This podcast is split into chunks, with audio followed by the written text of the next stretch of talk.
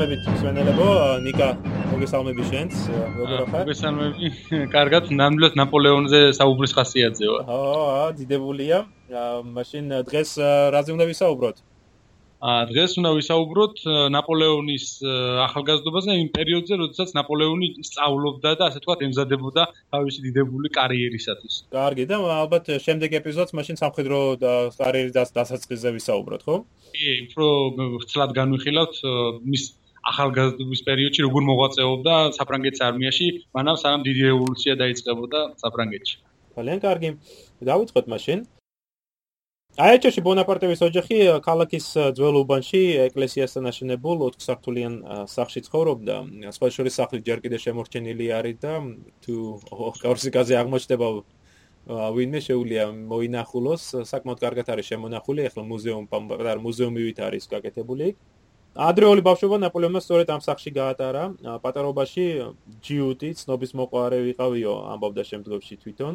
კორსიკელები მას ნაბულიოს უძახოდნენ, ეს იყო ფერმკტალი, ჩია, გამხდარი, დიცის პერთვალება ბავშვი. ცოტა ნერვიული, რა თქმა უნდა, თვითნება. უყვარდა აურზავრიანი თამაშები, ხშირად ჩხუბის თავი ყოფილა. შემდგომში უკვე წმინდა ელენეს გადასახლება, კონძულზე გადასახლებაში ყოფნისას თავად იხსენება თავის ბავშვობას, რომ არავის იმეშინოდა და არაფრის წინაშე უკან არ ვიხევდი. ყველას ცემდი, ყბენდი, ხაჭნიდი. ჩემს ყველა თანატოლს ეშინოდა ჩემი. გასაკუთრებით კი ჩემს უფროს ძმას ჟოსეფს ხდებოდაო. პატარა ნაპოლეონს ყველაზე მეტად უყვარდა მშობლიური კუნძულის კლდეებში, ტყეებში, ერთი ძალიან საყვარელი გამოქვაბულიც აქვს გადმოცემის მიხედვით, სადაც საათობით იჯდა განმარტოობით და ფიქრებით გატაცებული შეყურებდა ზღვასო. ბუნებრივია, ბამ ბავშვობის წლების დეტალები ჩვენ გადმოცემით ვიცით, ამიტომ ბევრი რამ შეფერადებული არის კიდეც, მაგრამ გარკვეულწილად მაინც გვაძლევს საშუალებას რომ გავეცნოთ ნაპოლეონის თავის ბავშვობის წლებში. ო, თუმცა რამდენად ზუსტი ესა თუ ის ამბავი, ამას ვერ ვიტყვით ძალიან ისეთი. რა თქმა უნდა, ხო, რა. ო, ზოგადად ცნობილი. მართალია, მაგრამ მაინც გვაძლევს სხვა საშუალებას მეტნაკლებ წარმოდგენას მოგწევს მაინც როგორ ცხოვრობდა ნაპოლეონი ბავშვობაში კორსიკაზე. ხო.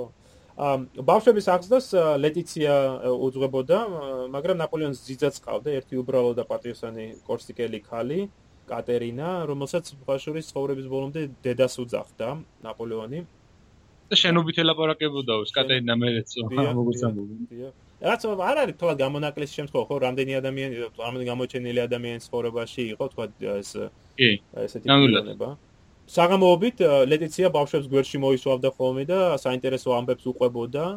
მონაყოლი ძირითადად სწორედ კორსიკელთა თავისუფლების ბრძოლას ეხებოდა. ლედიციას ბევრი რამ ჰქონდა, რა თქმა უნდა, მოსაყოლი, ის ხომ თვითონ აი თვითონაც დაყვებოდა თავის მეუღლეს. ხო, წარმო წარმომიდგენია როგორ უყებოდა თქვა, ხო, თავის თავგადასავლებს.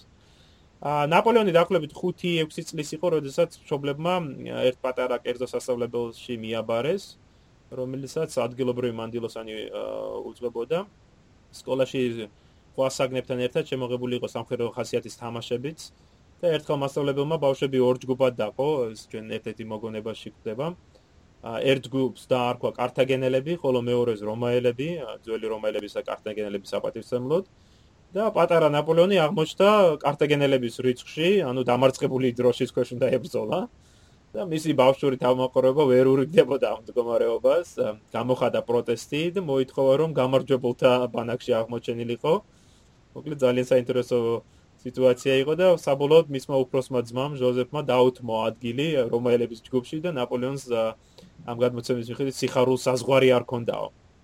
თუ ამ მოგონებებს ამ გადმოცემებს დაუჯერებ ნაპოლეონს ბავშვობიდანვე ბავშვობაშივე დაეთყო რომ სამხედრო კარიერას გაყვებოდა. მე ხომ ნაკლებად ჯერა ასეთი მიდგომის, მაგრამ არის უფრო გაზვიადებული ალბათ ეს მიდგომა, როგორც ყოველთვის წიან ხოლმე.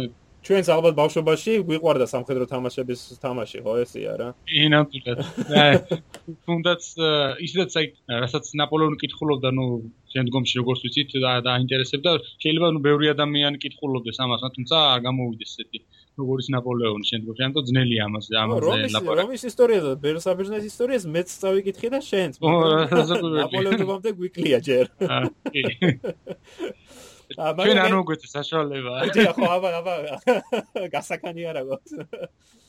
მაგრამ ერთი მომენტი არის, მაინც ყოველ რაღაც საინტერესო რომ ბავშვობაშიო ვითომე უყვარდა ამ სამხედრო თამაშებში მონაწილეობა და გაძღოლა რაც თავარია და რო ეკითხებოდნენ რატო ამბობდა რომ ჯარისკაცების ჩვევები უნდა შევიძინო რადგანაც ჯარისკაცობა მომელისო ერთ-ერთი მოგებული ბრძოლის შემდეგ კიდე ერთხელ ეს ტრადიცია გვეუბნება რომ ნაპოლეონი საკმაოდ დაშავებული აღმოჩნდა ნაცემიო მაგრამ გამარჯვებული და ამიტომ მისმა თანამებრძოლებმა ის დიდ სარდლად გამოაცხადეს, ვიღაცის ცხენზე შესწვეს და დიდ ზარზე იმით მიაცილეს სახლამდეო. ძალიან საინტერესო. პირველი ბრძოლა მოიგოს. აბა. სხვა შეიძლება ითქვას ბავშვობაში ან როგორც წინა ეპიზოდში ვახსენეთ, საერთოდ ეკლესია არ უყვარდა ნაპოლეონს თავიდანვე დიდად არ იყო გამატაცებული რელიგიით, მიუხედავად იმისა, რომ საერთოდ კორსიკაზე და საერთოდ იტალიაში ამ პერიოდში ძალიან ისეთ მორწმუნე ხალხი ცხოვრობდა. აა მაგრამ ანუ როგორც თქვით, დედამისი იყო განსაკუთრებით მორწმუნე, თუმცა ნაპოლეონი ეკლესიაში ვერ ჩერდებოდაო, აა ჭიროულობდა იქ ვიღაცებს აჯავრებდა, აბრაზებდა ეკლესიაში მყოფ ხალხს, რომელიც თხოვდნენ რომ ეს სიჩუმე აა დაეცვა, მაგრამ ანუ შემდგომში როგორც ალეკო მაგნიშნა ადრე ნაპოლეონმა კარგად გამოიყენა რელიგია თავისი მიზნებისათვის და ის გადმოცემების რომელსაც ავრცელებენ ის ადამიანები რომელთაც უნდა ძალიან რომ ნაპოლეონი მორწმუნედ გამოიყვანონ სხვადასხვა სიტყვებს თითქოს ნაპოლეონი ქრისტეზე როგორ საუბრობს და ასე შემდეგ არ შეესაბამება სიმართლეს და თუნდაც აი ეს ავიღოთ ბავშვობიდან ეს ეპიზოდი, როდესაც ნაპოლეონმა იმიტაცია გააკეთა სხვა ბავშვების დახმარებით რაღაც რელიგიური ცერემონიისა, ქორწინების ცერემონიის და ამ ამის გამო დედამისი ძალიან გაბრაზდა და დასაჯა ნაპოლეონი.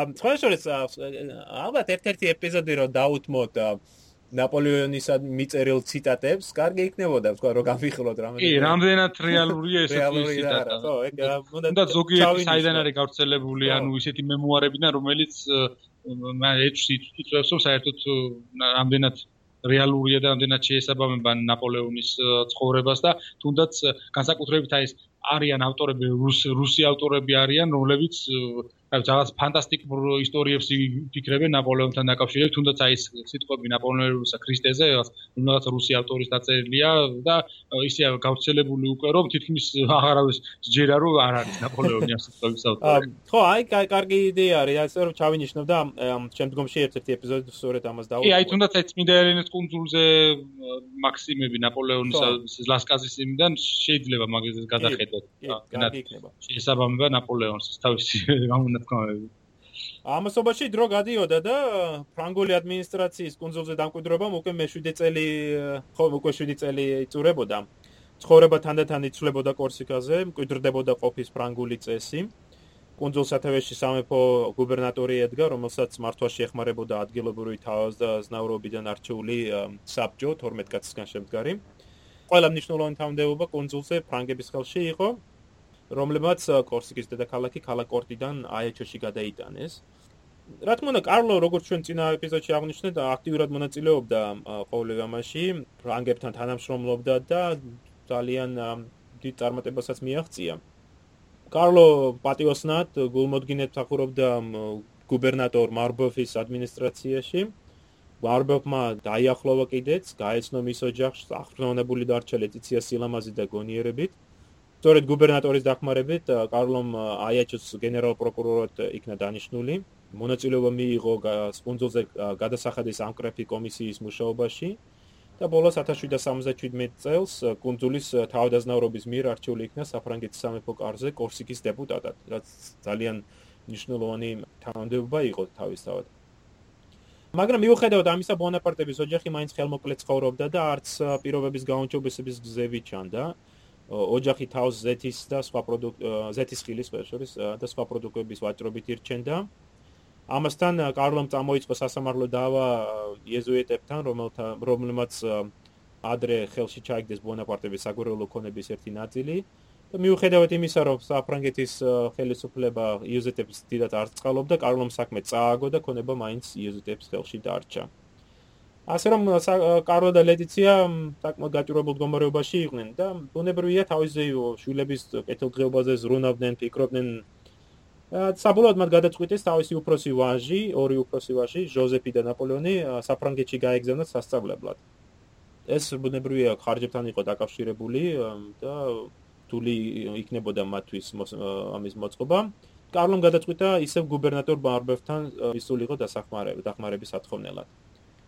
და სწორედ აი ამ მომენტში დიახ, სწორედ ამ მომენტში მარბერფი ძალიან დიდ დახმარებას უჩენს ბონაპარტეებს. მარბერფ საფრანგეთში ყავდა ძმისშვილი, ოტენის ეპისკოპოსი, ისიც მარბერფი. რომლის დახმარების რომლის დახმარებითაც კარლომ შვილების მოწყობა შეძლო ამ ოტენში მდებარე პატარა სკოლაში. და გეგმა იყო რომ ჟოზეფი და ნაპოლეონი ამ ოტენის სკოლაში დროებით იქნებოდნენ მიმაგრებული, ისწავლიდნენ ფრანგულ ენას და შემდეგ ოტენის ეპისკოპოსის დახმარებით ჟოზეფი მოხდებოდა სასულიერო სასწავლებელში, ხოლო ნაპოლეონი ამასობაში შეძლებდა სამხედრო სკოლაში მოხვედრას. თუმცა ჟოზეფი არ გამოვიდა ბოლო-ბოლო მაინც სასულიერო სარგაყოლი. აა ისეთ უნდა აღნიშნოთ, რომ ამ მომენტისათვის არც ერთი ბავშვი ბონაპარტების ოჯახში ფრანგულად არ საუბრობდა, ყველა იტალიურად საუბრობს ოჯახში და სწორედ სამნიშნულოვანი იყო თქვათ მათი გაფრანგება ამ ხრივ. 1778 წლის 15 დეკემბერს კარლო და მისი ორი ვაჟიშვილი ფრანგეთში გაემგზავრა. ეს თელი მოვლენა იყო ბავშვებისათვის, ისინი ხომ პირველად და ამასთანავე ასე დიდი ხნით ტოვებდნენ საკუთარ ოჯახს, სახლს, შობლიურ კუნძულს.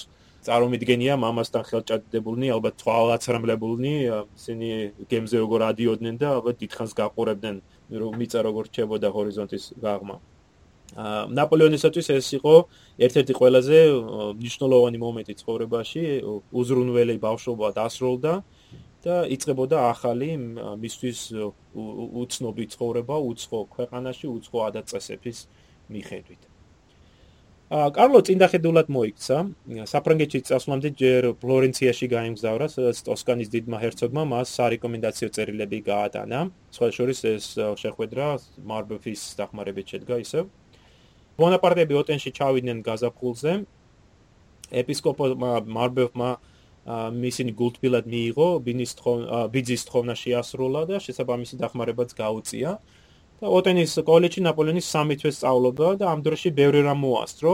თავგამოდებული მეთოდინების შედეგად მან საკმაოდ გაწაფულა დაიწყო ფრანგულად ლაპარაკი, თუმცა ცხოვრების ბოლომდე ძალიან ძლიერი იტალიური აქცენტი დიდ საუბრობდა, ეშლებოდა ხშირად ფრანგული სიტყვები და რაც თავია ძალიან გრამატიკულად დიდი შეცდომები წერდა. ამასობაში კი კარლო, რომელიც როგორც აღნიშნეთ, კონძულის თავადაზნაურობის მიერ იქნა არჩეული სამეფო საფრანგეთის სამეფო კარზე კორსიკის წარმომადგენლად, ვერსალში ჩავიდა და მემფესთან აუდიენციაში აუდიენციას მიაღწია. და სწორედ შეხვედრის დროს რამოდენიმე თხოვნა წარუდგინა მათ, მათ შორის იყო ნაპოლეონისათვის ბრიენის სამხედრო სკოლაში სამეფო ხარჯზე სწავლების თხოვნაც და მეფე ლუი მეტექსი. დაუფინანსა კიდევაც. დიახ, ეს საინტერესოა, ხო, მე სტუდენტებს რო ველაპარაკები, ლუი მე-16-ზე ვამბობ ხოლმე რომ ერთ-ერთი ერთ-ერთი კაი რამ რაც ქნა, თუმცა მისთვის არც ისე სახარბიელო, მაინც იყო რომ დააკმაყოფილა ეს თხოვნა. და 200 ფრანკიც მისცა პირველად იმის. და ძალიან დიდი სპეციალური საკმაოდ სოლიდური თანხა იყო. ა 1779 წლის მაისში ნაპოლეონმა მარბეფის კიდევ ერთხელ დიდი დახმარების წყალობით პირველად შედგა ფეხი ბრიენის სამხედრო სკოლაში. ბრეინის სკოლა დაარსდა 1730 წელს, ანუ ამ დროისათვის საკმაოდ დიდი ხნის ისტორია ჰქონდა. აა ის მიეკუთვნებოდა სხვა რამდენიმე მსგავს სამხედრო დაწესებულებას, სასწავლო დაწესებულებას და საფრანგეთში მოქმედი ტრადიციის მიხედვით ეს სამხედრო სასწავლებლების მეურვეობა სხვა სხვა რელიგიურ საეკლესიო ორდენების ხელში იყო ზირთად ეს ფრანცისკანერების ორდენის ხელში იყო როგორც ვიცი. ხო ამ ამ გზის ხელისუფლებას ჯერ ერთი სურდა მნიშვნელოვნად შეემცირებინა სკოლებისათვის განკუთვნილი ხარჯები და მეორე ბერების მეშვეობით აღეზარდა ესე უპრეტენზიო ცხოვრების მარტივ წესს შეჩეული მორჩილი ოფიცრები მაგრამ ბუნებრივია პრობლემა ის იყო, რომ ბერებს დიდი ფული არ გააჩნდათ, არც სახელმწიფო აფინანსებდა ამ სკოლებს დიდად და ამიტომ სკოლებში მაღალი რანგის პედაგოგების მოწვევა უჭირდა და პირობებიც საკმაოდ წირი. სკოლაში ამ დროისათვის 150 მოსწავლე იყო. უმეტესობას არის ფრანგული არისტოკრატიის შვილები შეადგენდნენ, რომლებიც სასწავლებელში მშობლების ხარჯზე იმყოფებოდნენ. მათ არც ფული აქვთ, არც ყურადღება, რასაც ვერ იტყოდი სამეფო სტიპენდიაზე მყოფ მოსწავლეებზე. ისინი როგორც წესი ხელმოკლე ოჯახებიდან იყვნენ და მატერიალური გაჭირვების გარდა დიდ მორალურ ზემოქმედებასაც განიცდიდნენ. არისტოკრატთა წარმომავლები, შვილები კედმაღლურად უყურებდნენ მათ და ყველანაირად ხას უსვამდნენ თქვა თავის უპირატესობას. რა თქმა უნდა, ისინი განსაკუთრებით მტრულად შეხვდნენ კორსიკელ ბუანაპარტეს, მომცრო ტანის, გამხდარი, შაუგრემანი, თითქოს უკარება კორსიკელი ძალიან განსხვავდებოდა თავის თანაკლასელებისგან. და ამიტომ მათი დაცინვის საგანიც გახდა. პირველ რიგში მაინც იმიტომ რომ კორსიკელი იყო. რა არის, ეს საინტერესო არის მაგაზე საუბარი, იმიტომ რომ აი ბოლო 7-8 წლის განმავლობაში გამოცემულ ციგნებში სპეციალურად შეიმჩნევა ტენდენცია რომ იმდენად არ უსვამენ მას ამას ხას. მაგალითად ეხლა რეცენზია დავწერე პატრის გენიფეი ძალიან ცნობილი ფრანგი ისტორიკოსია სადღეისოდ მან გამოსცა ძალიან საინტერესო ბიოგრაფია ახალი შაშან წინ გამოვიდა და ფრანგულად და ახლა ინგლისურად ითარგმნა. და ის მაგალითად ხპირიკით ამბობს რომ კი კორსიკელობას აქცევდნენ ხას, მაგრამ ძირითადი პრობლემა ის კი არისო რომ ეს კორსიკელი იყო. არამედ ის რომ თვითონ ხასიათით ნაპოლეონი უფრო ჩაკეტილი ჩაკეტილი იყო და ადვილად არ შედიოდა კონტაქტში. შეიძლება ხო ესეც. მაგრამ რა თქმა უნდა, ვერ გამოვრიცხავთ იმას რომ თქვა სკოლაში უცებ გამოჩნდა ეს პიროვნება, რომელიც ყველაზე ცუდად საუბრობს ფრანგულად, ყველაზე მეტ შეცდომას უშვებს, უცნაური სახელი და გვარის პატრონია. იმასაც ისეც არ ეხმარება ნაპოლეონს, რომ დევრამეში არ ვერ ეყრეოდა, მაგალითად ძალიან საინტერესო ცოტა სასაცილო, მაგრამ საინტერესო მომენტია, როდესაც ერთივ დილას დგება ნაპოლეონი თავის ოთახში და აღმოაჩენს, რომ ჭიქაში გაყინულა წყალი და ყველასთვის მოულოდნელად ნაპოლეონმა არ იცოდა რომ ყინულია ეს. და ამ გადმოცემით რომ გაბრაზებული ეკითხებოდა ყველას ვინ ჩადო ჩემ ციხაში შუშა. და ეხა ბუნებრივია მის თანაკლასელებს მეტი რა უნდათ ხო? ეს ეს უვიცი ვინ არის ითხოვდნენ. ამიტომ არა მარტო კორციკელობა არის აქ, არამედ ის რომ თვითონ ბავშვი პაპირობებში გაიზარდა სხვა საზოგადოებაში ბუნებრივია ის ის რომ უკარება არის და ადვილად არ შედის კონტაქტში ხელს უწყობს ამას. კორსიკულ წარმომავლობას არათუ არ მალავდა არამედ პირიქით დიდად ამაყობდა ამით. შემდეგ ერთ-ერთ წერილში ამბობს მე ვოცნებობ იმ დღეზე როდესაც კორსიკის დამოუკიდებლობას დაუბრუნებ. თანაკლასელთან არც ერთი გამოხტომას უპასუხოდ არტოვებს რიცხობრივი უპირატესობის მისთვის არავითარ მნიშვნელობა არ აქვს. ისეთივე გამეტევით შეუტევდა ხოლმე თავის შეურაცხყოფელს როგორც რომ ისინი გაქცევით უშველიდნენ თავს მე უკვე როცა წამოიზდება წლების შემდეგ ის კოლენკურთან საუბარში აღნიშნავს რომ ბრიენში ჩემს თანაკლასელთა შორის ყველაზე ღარიბი მე ვიყავი. მათ ყოველთვის ჰქონდათ ჯიბის ფული მე კი არასოდეს ამავე დროს უკვე ისეთი ამაყი ვიყავი რომ უფულობას სხვა არაფრით არ გავაგებინებდი. ამიტომ მე არ შემეძლო სხვასავით მხიარულობა და გართობა დროის მეტ ნაწილს ნაპოლეონი მარტობაში ატარებდა ამიტომ კითხვა აი მისი მთავარი გადაცემა სწორედ ეს იყო ну ამ დროს ძირითადად ალბათ მაშინ დაიწყო ის თავის ინტერესი გამოამჟღავნა სამხედრო ისტორიის მიმართ დაიწყო კითხვა ისეთი ავტორების ან ანტიკური ავტორების ძირითადად როგორც პლუტარქე, იულიუს კეისარი, განსაკუთრებით ეს კეისრის კომენტარები გალიის ომის შესახებ ნაპოლეონისთვის მეტად საინტერესო აღმოჩნდა და თუნდაც არამხოლოდ ბავშვობაში შედგომაც, როდესაც ნაპოლეონი იტალიურ კამპანიაში იბრძოდა ავსტრიელების წინააღმდეგ, მას თან ჰქონდა ეს ნაწარმოები და კომენტარებსაც კი უკეთებდა ამ ტექსტ იულიუს კეისრის მოცემულ ტექსტს. სხვა ავტორების სათქმელდა აღსანიშნავია. განსაკუთრებით რომისა და საბერძნეთის ისტორია იზიდავდა თუმცა ხაზეც ხელი მიუწვდებოდა სხვა ქვეყნის ისტორიასაც ეცნობოდა თუმცა როგორც ვიცით ამ სკოლაში ბრიენში ჯერ კიდევ არ ქონდა ამას. ნაპოლეონს დიდი ანუ საშუალება არ ქონდა რომ ყველა ციგნი წაეკითხა რაც მაშინ შეიძლება ამ თემასთან დაკავშირებით ყოფილიყო. უფრო შემდგომ წლებში როდესაც უკეთეს სასწავლებელში იყო როდესაც უკვე ბუკინისტები თან ნახულობდა ამ ციგნებს მაშინ უფრო მეც მეც გაეცნო. უბრალოდ ამ უკვე ამ დროისთვის ინტერესს ამჟღავნებდა სამხედრო ისტორიის მიმართ თუმცა არა მხოლოდ ისტორია იყო ნაპოლეონის ინტერესი.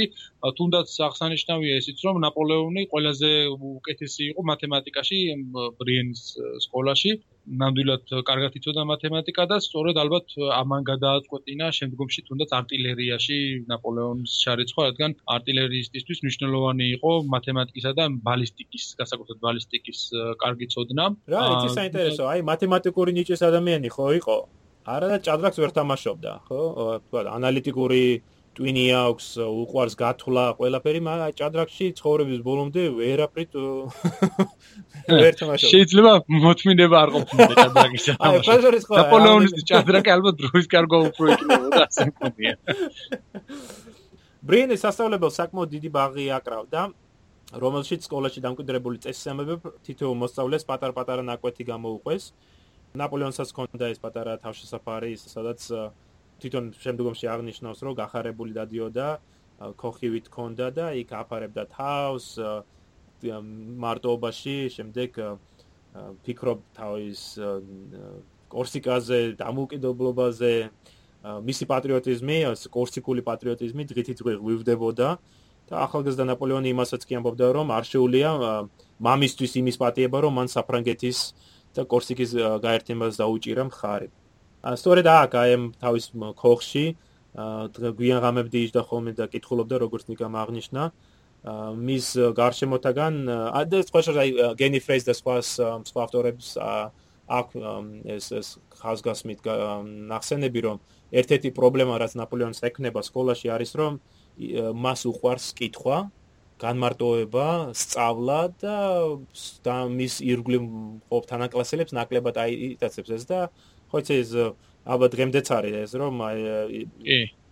იმ ბავშვებში ბავშვთა წრეში თლად არ არის მიღებული ვთქვა რომ აი გამორჩეულად რაღაცას თავი კი თუმცა ისიც სათქმელია ალბათ რომ ნაპოლეონს რაც თვითონ ძალიან აინტერესებდა და უყვარდა იმას უფრო სწავლობდა, თუმცა აი მაგალითად აღნიშნული რომ ენები დიდად არ უყვარდა ნაპოლეონის ენების სწავლა, იგივე გერმანული და ლათინური, რომელსაც ასწავლიდნენ, არც ისე კარგად არ სწავლობდა სხვა მასწავლებლებთან შედარებით. კი, აა ფრანგულს ვერ დაეწაბა ამ ესაც და დროთა განმავლობაში ფრანგულში საკვირველია ისა რომ ყოველთვის ურევდაო იტალიურ სიტყვებს როგორც თვითონ მაგის წერილები უნდა ნაკოსაშინელებაა რა ესე იგი ისეთი ხელი წერს და ისეთი ენი წერს რომ გაგიჟდები კიდევ კაი რომ შემდგომში კარნახობს და აა მერც მადლობა უნდა გადაუხადოთ რომ ბერტია ყავდა და ბერტია რაღაცა ნორმალური ნორმალურ ფრანგულად აა შეგვედა გადმოცემდა ხოლმე მაგის ბრძანებებს.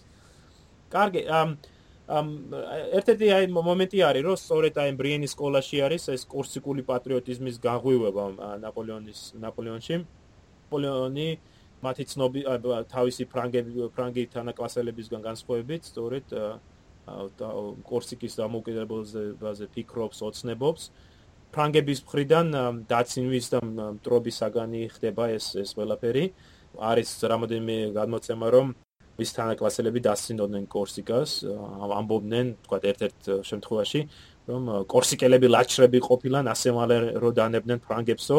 ნაპოლეონი გააფთრებით იცავს თავის თანამემამულეებს და პასუხობს რომ ო ფრანგები რომ ოთხნი ყოფილიყვნენ ერთ კორსიკელის წინააღმდეგ ისინი ვერასოდეს ვერ ვერ დაძლებდნენ კორსიკას მაგრამ ისინი 10-ნი იყვნენ ერთის წინააღმდეგო ესე შეუპოვო ეს დაახლოებით ისეთი ვარიანტია საქართველოსთვისაც ნაცნობია ეს ვარიანტი. კორსიკის გასად ჩვენთანაც იმართება მსგავსი საუბრები ნამდვილად და იმართება. ნაპოლეონს ერთ-ერთ წელში აქვს დახსენები ნატესე პატარა გაკურა აქვს და მაინც გულში ჩამრჩა რომ კორსიკის ისტორია არის პატარა ერის პრობლემის საუკეთესო ნიმუშიო. ასე ალბათ ჩვენც გვეხება ეს, რომ ეს პატარა ერი დიდი ერებს შორის ნაპოლეონის საქართველოს ისტორიას არ იცნობდა ამ დროს. შეადარებდა კორსიკას. სამწუხაროდ. ბონაპარტე სამშობლოს განთავისუფლებაზე მის მისთვის თავდადებაზე ოცნებობდა 18 წლის ასაკში. ყველა შემდგომში ხომ კორსიკის ისტორიის შესახებ თავის ნაწარმოების დასრულებისას ნაპოლეონი წერს კორსიკელებმა შეძლეს სამართლიანობის ყველა წესის დაცვით გადაეგდოთ გენუელების დამღა და მათ ასევე შეძლებენ ახალი ფრანგული მონობისაგან თავის აღწევასო. ასე რომ თუმცა ძალიან სწრაფად და ბოლოს ბოლოს თვითონ ყველაზე მეტი წვლილი შეიტანა კორსიკის 100 მილიონში დაფანკი. ხო. ამ დროისათვის ეს 83 წლის გაზაფხული, ზაფხული ნაპოლეონის ძირითადი პრობლემა სწავლა კი არ არის, არამედ ის რომ ის არის უფულოდ. მამის უჭირს, დედამის უჭირს, ოჯახს ზოგადად უჭირს და ვერ უგზავნიან ფულს, ხოლო სამეფო სტიპენდია საკმარისი არ არის და უფრო უფრო ძნელი ხდება ნაპოლეონისათვის თავისი სავალალო მდგომარეობის ატანა. ამ მდგომარეობაზე მეტყველებს ის ფაქტიც, რომ სხვაშორის ერთ-ერთი ყველაზე ადრეული წერილი, რაც აგვაქვს შემორჩენილი ნაპოლეონისგან, არის დაწერილი 83 წლის 6 აპრილს. და არის დაწერილი ის წერს მამას და ძალიან საინტერესო წერილია, ამიტომ მინდა რომ ცოტა სრულად მოვიყვანო. მამა თუ თქვენ ან მათ ვისაც ჩემი ფარველობა ევალებათ არ ძალგით ჩემი უკეთესად შენახვა, მაშინ წამიყვანეთ უკან. მე ძალიან მიმძიმს ჩემი გაჭირვების გამოჩენა და მოსწავლეების დაცინვის ატანა. მოსწავლებისა, რომლებიც ჩემზე მაღლა მხოლოდ თავიანთი ფულებით განან. არც ერთ მათგანს არ აქვს გულში ის კეთილშობილური ზრახვები და წმინდა გზნობები, რომლებიც მე ძალიან მაღელვებს. მას როდემდის იქნება თქვენი შვილი ამ ბრიყვების დაცინვის საგანი. ძალიან საინტერესო წერილი არის, ხო? ე, თუმცა ბოლო-ბოლო შეეგუა მაინც ერთ კომენტარებას, მოუწია ასე. ხო, რა, რა სხვა რასიზმდა, мама, мама მის კარლოს შულზე უფრო გაჭირებულ მდგომარეობაში იყო. მას ხომ სხვა შვილებიც ყავდა მოსაწყობი. ანა მარია ელზა დიდი წვალების შემდეგ სენსირის სასწავლებელში მოხვდა, რაც დიდ საქმეთ ითვლებოდა, რადგან სენსირის ხოლო დიდარ და დიდგვაროვანთა შვილებს იღებდა, მაგრამ იქაც ფულის ფული ეჭდებოდა მისი მისი გაგზავნა. 83 წელს ოტენში ჩამოიყვანეს ნაპოლეონის მეორე ძმა ლუსიენიც, მაგრამ სამხედრო სამინისტრომ უარი განაცხადა გამოეყო მისთვის სტიპენდია, სანამ ნაპოლეონი არ დაამთავრებდა ბრიენის სამხედრო სკოლას. თვითონ კარლო იძულებული იყო თავის თავზე აიღო დამატებითი ხარჯები და ხელი შეეწყო ლუსიენის სწავლისათვის. ამავე დროს კარლო კიდევ მოულოდნელი პრობლემები გაუჩნდა უფროსმა ვაჟმა ჟოზეფმა სასულიერო კარიერაზე ხელი აიღო და არავითარ მახვეწმამ არ გაჭრა. ოჯახში მიწერილ წერილში ნაპოლეონის ხაშურის კიცხავს ჟოზეფს და აღნიშნავს ეს კიდევ ერთი საინტერესო წერილია. ციტატა არის: მას შეეძლო მიეღო საუკეთესო სასულიერო განათლება, მაგრამ ახლა უკვე გვიანია რამის შეცვლა. მისი აღმატებულება ოტენის ეპისკოპოსი უეჭველია, კარგად უზრუნველყოფდა ჟოზეფს და შესაძლებელია შემდგომი მისთვის ეპისკოპოსობისათვის მიეღწია. ეს კი ოჯახისათვის უდიდესი დახმარება იქნებოდა. მისი აღმატებულება ყველანაირად ეხმარებოდა ჟოზეფს და პირდებოდა რომ არინანებდა თუ გაყვებოდა ამ გზას. მაგრამ თუ ჟოზეფმა ჯარისკაცობა გადაწყვიტა, მე იძულებული ვარ დავეხმარო მას. ესტერილი იმით არის საინტერესო ჩემთვის ყოველ შემთხვევაში რომ ერთის ხრივ ნაპოლეონი კიცხავს თავის ძმას, აი იმის იმის გამო რომ ოჯახზე არ ზრუნავს მომოვალზე არ ფიქრობს სხვა შორის ეს შეიმჩნევა ნაპოლეონის მიდგომაში დაძმების მიღმევართ სხვა წლებში რომ მისთვის თავარია ეს ოჯახზე ზრუნვა ეს კერძო ინტერესები, შენი ინტერესები უნდა დაექვემდებაროს ოჯახის ინტერესებს, მაგრამ მეორე მხრივ წერილის ბოლოს ამბობს, რომ კაი ჯანდაბას თუ უნდა ჯარისკაცობა მაინც დაუეხმარებენ მას, ანუ მართალი არ არ ეთანხმება ჟოზეფს, ჟოზეფის გადაწყვეტილებას, მაგრამ მისი ერთგული რჩება. ჟოზეფი მართლაც მტკიცე აღმოჩნდა თავის გადაწყვეტილებაში დაენებებინა თავის სასულიერო კარიერას და ში ვერც სამხედრო კარიერას ვერ გაყვება. ბოლო-ბოლო მამამისი ისიც იურისტი გამოვიდა. და ვაჭარი, ხო? ო, ვაჭარი. საკმაოდ კარგი, კარგი სხვა შორის საბაჭრობაში ეს. ნო, ეხერხებოდა ეს. მქონდა მაგის ნიჭი. ნამდვილად. ბრიენის სამხედრო სკოლაში სწავლის 5 წელი შემოჩნელობა ამოიწურა. დადგენილი წესის შესაბამისად, სასწავლო კურსის დამთავრებისას პარიზიდან სხვა სხვა სკოლებში სამხედრო სამინისტროს წარმომადგენლები ჩადიოდნენ, რომელთაც ევალებოდა შეემოწმებინათ სტუდენტები და საუკეთესო სტუდენტები შეერჩიათ უმაღლეს სამხედრო სკოლებში მოსახვედრად. ბრიენში 24 წელს ერთ-ერთი ესეთი წარმომადგენელი სამხედრო სამინისტროს წარმომადგენელი ეწვია და მან გამოცდა ჩაუტარა ნაპოლეონს და ძალიან საინტერესო ატესტატი დაწერა ამ ამ ამ ახალგაზრდაზე. მინდა ცოტა ვცლად მოვიყვანო. დი ბონაპარტე დაიბადა 69 წლის 15 აგვისტოს, სიმაღლე 4 ფუტი და 10 დიუმი. აღნაგობა, ყინვალე, ჯანმრთელობა, ხასიათით დამჯერი, რბილი, პირდაპირი, ჩაფიქრებული, ყოფაქცევა, დამაფიქრებელი. ყოველთვის გამოირჩეოდა მათემატიკაში, განსაკუთრებული წარმატებით. კარგად ერკვევა ისტორიასა და გეოგრაფიაში, სუსტია ხატვაში, ცეკვაში, მუსიკაში და მსგავს საგნებში. ამ ბიჭისგან გამოვა ბრწყინვალე მეზღაური. ღირსია ჩაირიცხოს პარიზის სკოლაში.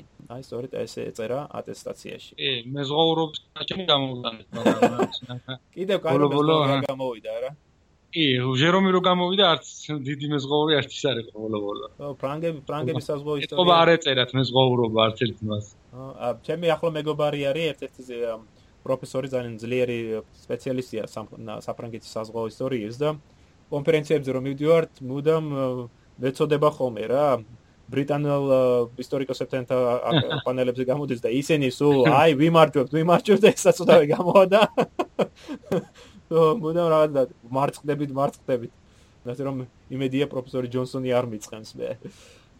ბრიენელ პედაგოგებს ნაპოლეონის ერთი წლით დატოვება სურდა თავიანთ სკოლაში, მაგრამ ეს ინსპექტორი დეკარალო წინაღუთ გამად და წაიყვანა სწორედ პარიზის სამხედრო სკოლაში. 1799 წლის 84 წლის 13 ოქტომბერს ნაპოლეონმა პირველად შედგა ფეხი საფრანგეთის დედაქალაქში.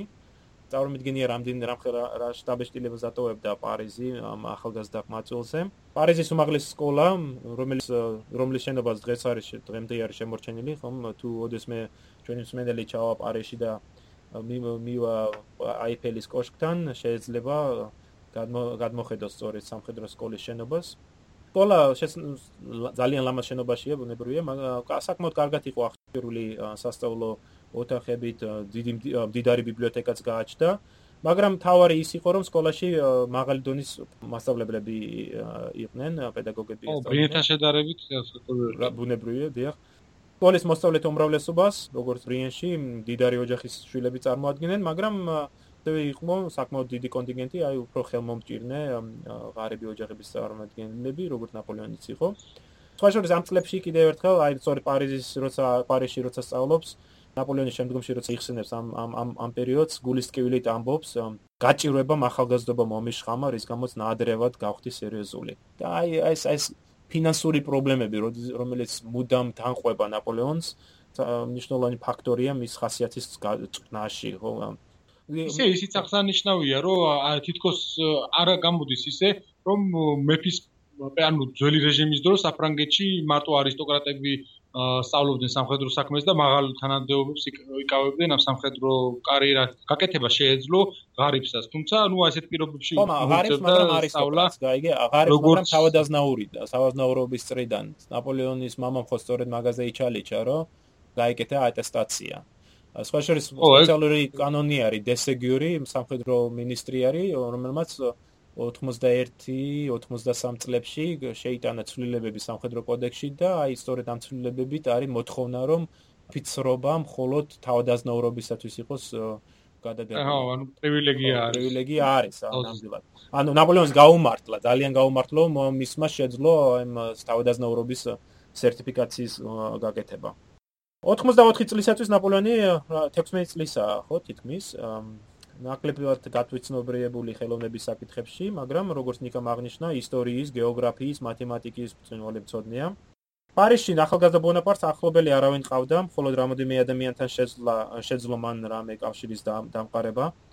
ნაპოლეონი ხშირად სტუმრობდა პარიზში შეძენილ ერთ მეგობარს, დემაზის რომელიც ცხოვრების ბოლომდე მასთან იქნება. რამოდენიმეჯერ ეწვია თავის დას ელიზას, რომელიც ამ დროისას სენსირის ქალთა სასწავლებელშია. ზოგჯერ ოტენის ეპისკოპოსის და მადამ პერმონი, მადამ პერმონი ბონაპარტების ოჯახის მეგობარი იყო. მათ სტუმრობდა. 85 წლის დასაწყისში ნაპოლეონმა სამშობლოდან ძალიან შემაშფოთებელი ამბავი მიიღო. მამამისი კარლო მძიმედ გამხდარიყო ავად. კორციკელებმა ექიმებმა ხედავდნენ რა კარლოს ძიმე მდგომარეობა საფრანგეთში გამგზავრება ურჩიეს და კარლოს გამგზავრებულა, მაგრამ გზაში ცუდად გამხდარა და ქალაქ მონპელიეში თავის ახლობლის, აი ზემოთ ნახსენები მადამ პერმონის სახში გაჩერებულა. ფრანგმა ექიმებმა ვერაფერი ვერ უშველეს და 4 თებერვალს კარლო გარდაიცვალა. ოფიციალური მიზეზი არის კუჭის კიბო.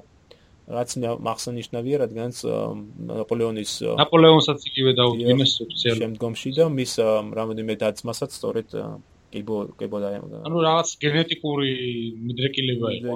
დიახ. ამ კარლოს გარდაცვალებასთან ერთად თითქოს და მთელი ოჯახის იმედი და მოლოდინი გააქრა. ოჯახის უფროსობა წესით უფროს ვაჟს, ხო, ჟოზეფს უნდა დაკესრებოდა, მაგრამ აი სწორედ ამ გადამწყვეტ მომენტში ჟოზეფმა გამოიჩინა გარკვეული უნების ყოფობა, სიზარმაცე და ყოველ შემთხვევაში ლეტიციაც კი დედამ დედამისიც კი მიხვდა რომ ჟოზეფი ვერ გამოდგებოდა ამ საქმისათვის. და თავიდანვე შანდა თითქოს ორ ძმას შორის მაინც ნაპოლეონი უფრო ესეთი აქტიური და პირველობდა უფრო ვიდრე ჟოზეფი. ხო, აი ახლა წარმოიდგინე, წარმოიდგინე 15 წლის ასაკში მხრებზე რო დაგაწובה ოჯახიზე, ოჯახზე მზრუნვის მძიმე ტვირთი რა. და მით უმეტეს როცა შენი უფროსი ძმა დიდად არ აქტიურობს, ხო? კარლოს გარდაცვალებამ არივდარია ნაპოლეონის საქმეებიც. აა ლეტიცია ხომ საერთოდ გამოუვალ მდგომარეობაში აღმოჩნდა, რადგან ამდენი ჩვილი ბავშვი ყავს ხელთ და მათზე უნდა იზრუნოს, მით უმეტეს პროცი ვაჟები რომ საფრანგეთში არის. ამიტომ პარიზის უმაღლეს სამხედრო სკოლაში ნაპოლეონმა სულ 10 თვე დაყო. მან სადა რაც შეიძლება ნაყოფიერად გამოიყენებინა ეს პერიოდი, გაეღრმავებინა საფუძვლებიანად თავის ცოდნა გარკვეულ საგნებში, როგორც ნიკამ აღნიშნა, საბოლოოდ მან გადაწყვიტა თავის კარიერა артиლერიისათვის მიეძღვნა და სწორედ დიდ ყურადღებას აქცევდა მათემატიკას, ფიზიკას, ამ მეცნიერებისადმი ინტერესს მასში ისიც ხელს უწყობდა, რომ ამ საგნებს ისეთი გამოჩენილი მეცნიერები ეკითხულობდნენ, როგორც იყვნენ მათემატიკოსი გასპარ მონჟი, შემდეგ შემდგომში ძალიან აქტიური ხარდა ჯერი ნაპოლეონის, პიერ სიმონ ლაპლასი. აქაც როგორც ანუ მაგ პერიოდში მოღვაწეობდა ბერთოლეც, არა? ნუ სკოლაში არ ასწავლიდა. დიახ, დიახ, დიახ. რა თქმა უნდა როგორც ბრიენში ასევე პარიზში ნაპოლეონის განსაკუთრებაში მიყავ მოყავდა მასშტაბლებლები თავისი შრომის უნარიანობით გულმოდგინობით ცხოდნის წყურვილით მაგრამ რა არის საინტერესო? სკოლის დამთავრება, რაც მან მოახერხა 85 წლის მიწურულს, დამთავრებისას ის 42 ადგილზეა 58-დან. და ხშირად გასაგურებით ადამიანები, რომელიც ნაპოლეონის მიმართ კრიტიკულად არიან განწყობილები, აი აღნიშნავენ, რომ როგორ შეიძლება ასეთ მანიჭერმა ადამიანმა 42 ადგილი დაიკავოს 58-დან, ხო? რა, ძალიან ძალიან თუმცა ძალიან საერთოდ ეს მაკრო შეფასება ძალიან ძნელია ალბათ ესეთი ნიჭიერი ადამიანისა, რადგან თვითონ პირადად იყო მოწადინებული, თვითონ სწავლობდა რაც აინტერესებდა, რაც უნდოდა და არა თქვა იმ პროგრამას არ მისდევდა, მხოლოდ რაც ისწავლებოდა პარიზის სასწავლებელში, ასე რომ თავისუფლად შეიძლება მაგ არგუმენტის არა არა მოდი ჩაუღრმავდეთ ამ არგუმენტს მე მგონი მნიშვნელოვანი არის ამ ამ ამ საკითხზე საუბარი ამ ხრივ რამოდენმე გარემოებაა გასათვალისწინებელი.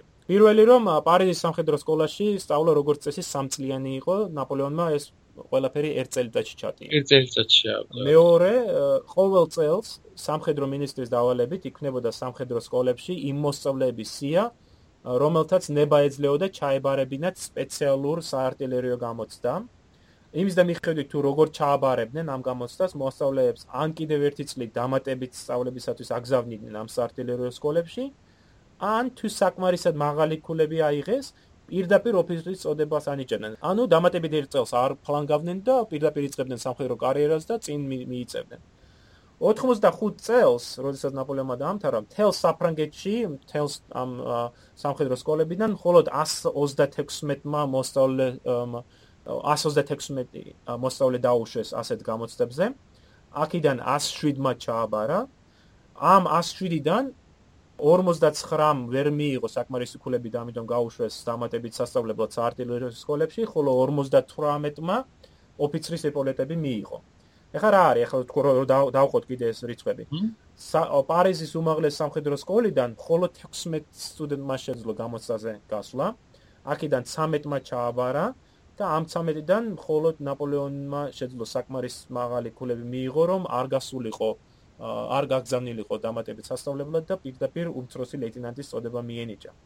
ანუ ეს მისი მიღწევა არის ძალიან მნიშვნელოვანი. ის კი არა როის 52-58-დან, არამედ ის რომ მან შეძლო უშუალოდ სამხედრო სკოლის დამთავრებიდან წასულიყო ჯარში, ან არტილერიაში. პირდაპირ ოფიცერი გამხდარიყო. ოფიცერი გამხდარიყო და ნაპოლეონი ამას სხვა შორის მუდამ ხას უსვამდა და სიამაღით ამბობდა, რომ მე ოფიცერი გავხდი 16 წლის და 15 დღის ასაკში. თარიღი ზუსტად ახსოვდა. ნაპოლეონის გამოშვებისას ერთ-ერთმა მასწავლებელმა პატარა დახასიათება მისცა და ძალიან საინტერესოა, მოკლეა და საინტერესო ციტატაა ეს. დაბადები და ხასიათით ნამდვილი კორსიკელია, თუ გარემოებები ხელს შეუწყობენ, ის შორს წავა.